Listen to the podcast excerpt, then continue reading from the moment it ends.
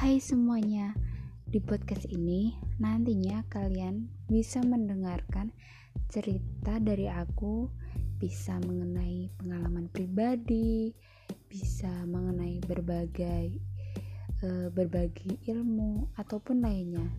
Gosip-gosip juga boleh ya. Uh, mungkin nantinya juga akan ada sambatan-sambatan dari aku yang mungkin kalian uh, pernah ngalamin juga. Jadi selamat mendengarkan nantinya.